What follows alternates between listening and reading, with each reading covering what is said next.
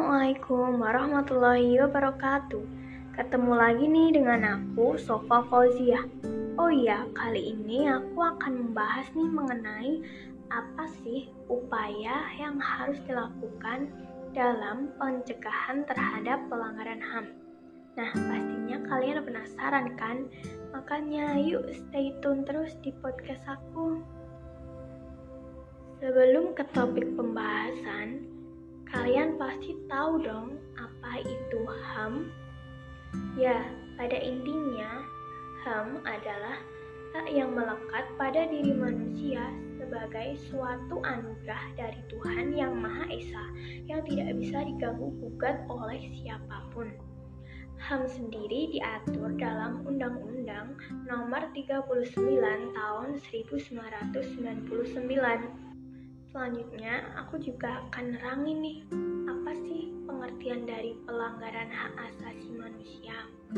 Nah, menurut UU nomor 39 tahun 1999, pelanggaran hak asasi manusia adalah setiap perbuatan seseorang atau kelompok orang, termasuk aparat negara, baik disengaja maupun tidak disengaja, atau kelalaian yang secara hukum mengurangi, menghalangi, membatasi, dan atau mencabut hak asasi manusia seseorang atau kelompok orang yang telah dijamin oleh undang-undang dan tidak mendapatkan atau dikhawatirkan tidak akan memperoleh penyelesaian hukum yang adil dan benar berdasarkan mekanisme hukum yang berlaku.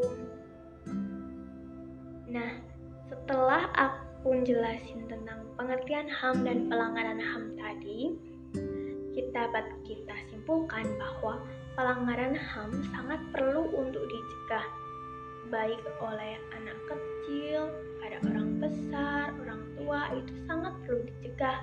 Oleh karena itu, aku bakal jelasin apa aja upaya yang perlu dilakukan dalam mencegah pelanggaran HAM baik-baik ya. Dengan adanya pendidikan karakter tersebut yang telah diberikan sejak dini, HAM lebih mudah ditegakkan dan lebih mudah juga dicegah dari berbagai bentuk pelanggarannya, baik itu pelanggaran ringan maupun berat. Yang kedua yaitu mempelajari HAM. Belajar tentang HAM itu juga sangat penting karena dengan belajar tentang HAM serta metode penegakannya di lingkungan masyarakat, membuat kita sadar akan tingginya rasa kemanusiaan dalam HAM. Nah, belajar tentang UU HAM itu juga penting agar tidak melakukan pelanggaran.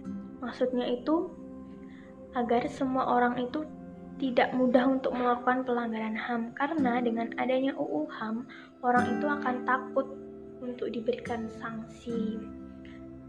Nah, UU HAM itu ada pada UU nomor 39 tahun 1999 dan UU nomor 26 tahun 2000.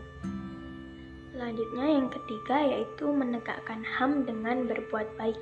Maksud dari berbuat baik yaitu bersikap ramah, jujur, adil, dan baik hati dengan sesama yang mencerminkan pribadi yang menjunjung tinggi HAM dan bersedia melaporkan suatu pelanggaran HAM ke pihak yang berwajib agar segera ditindak. Nah, dengan adanya sikap ramah, jujur, adil, dan baik hati, kita itu otomatis bisa mencerminkan pribadi yang dapat menjunjung tinggi HAM. Dan ketika kita melihat suatu perbuatan atau pelanggaran HAM di depan mata kita, atau kita mengetahui suatu pelanggaran HAM, sebaiknya kita segera melapor ke pihak yang berwajib agar segera ditindak. Nah, yang terakhir yaitu meningkatkan persatuan dan kesatuan. Adanya rasa bersatu dan sikap nasionalisme sesuai dengan sila ketiga dalam Pancasila membuat setiap orang memiliki rasa yang erat satu sama lain dan saling bergandengan untuk menegakkan HAM serta melakukan hal positif yang dapat meningkatkan kesatuan antar masyarakat.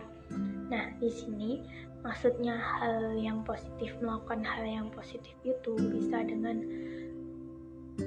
menghargai pendapat antar sesama, menghargai keyakinan antar sesama, melakukan gotong royong, menghargai pendapat